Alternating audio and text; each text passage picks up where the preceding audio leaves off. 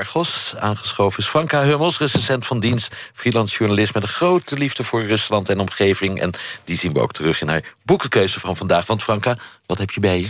Ik heb twee uh, boeken bij me. Eentje uh, van een schrijfster met een moeilijke naam... maar je spreekt het uit als Natja Tolokonikova... Of althans, nou doe ik de klemtoon weer fout. Maar in ieder geval een, uh, een van de dames. Tolokonikova. Nee, een onbeklemtoonde O is een A. En alleen de derde O is beklemtoond. Dus het is Tala... Talakanikova. Talokonikova. Nou, en het andere boek? Anyways, haar boek heet Pussy Riot, Zo begin je revolutie. En het andere boek is van Svetlana Alexievich.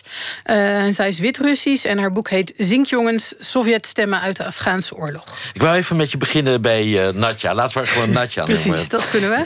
Uh, want zij is een van de oprichters van die beroemde groep Pussy Riot, ja. hè? Ja, en ook een van de meiden die naar het strafkamp is gestuurd... vanwege dat optreden in de kerk. En uh, ze beschrijft dat ook, van hoe haar tijd in gevangenschap was... en hoe, zij, hoe die periode haar ook heeft uh, gesterkt eigenlijk. En het is een vrij uh, onverbiddelijk boek. Het is echt, je, je moet in verzet komen van haar. Er is geen, geen ruimte eigenlijk om dat, dat niet te doen. ze legt zichzelf dus dat ook heel sterk op. Geen enkele twijfel spreekt eruit. En het is een heel precies gecomponeerd uh, boek met heel veel voorbeelden van wat er volgens haar mis is aan de Russische maatschappij.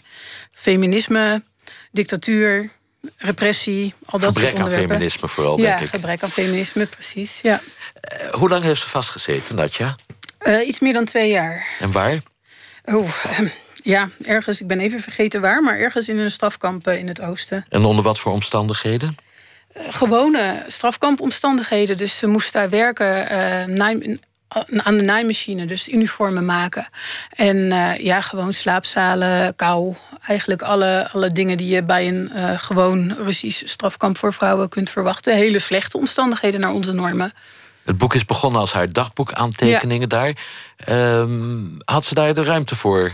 Ja, ja, en dat, ze heeft ook wel kunnen communiceren. Ze heeft op een gegeven moment heeft ze zichzelf ook een soort um, bevoorrechte positie uh, weten te verwerven. Omdat sommige bewakers het met haar eens waren. Maar ook omdat ze gewoon zo uh, strijdbaar was. Dat zij als ze dingen aanklaagde dat ook voor elkaar kreeg. Dus mensen ook gewoon een beetje bang voor haar waren. En geen zin hadden om met haar in de clinch te liggen. Maar ja, ze heeft wel zich kunnen informeren en kunnen schrijven. En uh, dat soort dingen terwijl ze daar was. En ze heeft ook toen ze uit gevangenschap kwam met uh, andere leden van Pussy Riot een club opgericht voor rechten van mensen in gevangenissen. Ze was uh, deze week in Nederland om de ja. vertaling van haar boek te presenteren. Ja. Is in verschillende kranten geïnterviewd. Ze maakt een wat verbeten indruk. Zo. Erg tegen Poetin, maar ook ja. erg voor Rusland en het vaderland. N niet erg veel humor. Nou, dat heeft ze wel. En wat bijvoorbeeld ook wat ik wel echt heel interessant vond aan dit boek is hoe voor haar politiek en kunst echt 100% samengaan. Kunst is iets nieuws doen.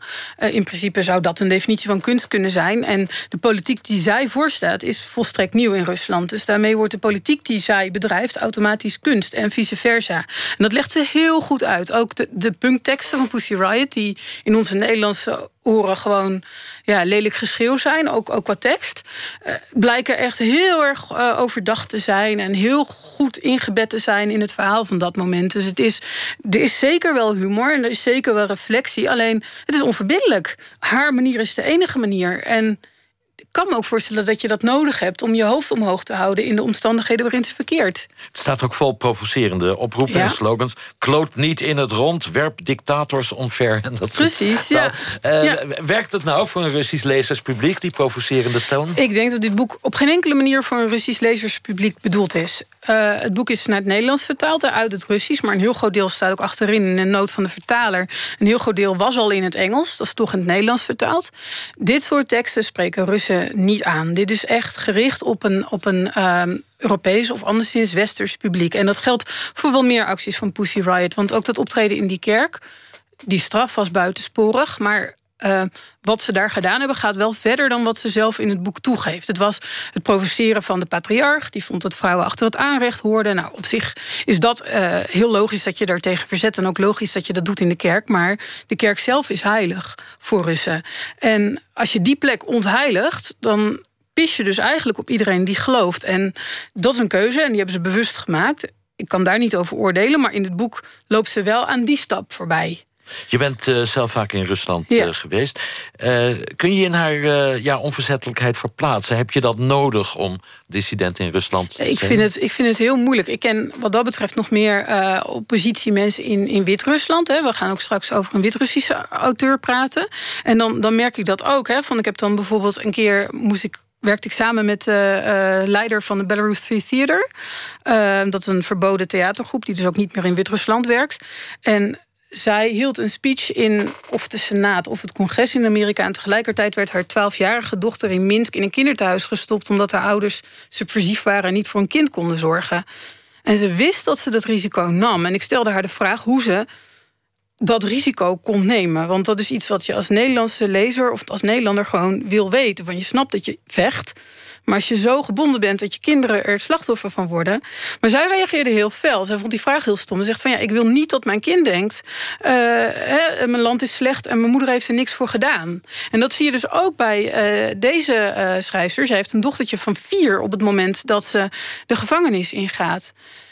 kind van de rekening toch. En. Um, die onverzettelijkheid, je moet wel echt geloven in je eigen keuzes. Anders word je er gewoon ontzettend door geplaagd denk ik. En je hebt wel mensen zoals zij nodig om verandering te bewerkstelligen. Dus ik, ik ben zelf nooit op de proef gesteld. Hè, dus ik weet niet of ik moedig ben. Dat is denk ik ook wel mijn definitie van vrijheid. Dat je niet hoeft te weten of je moedig bent.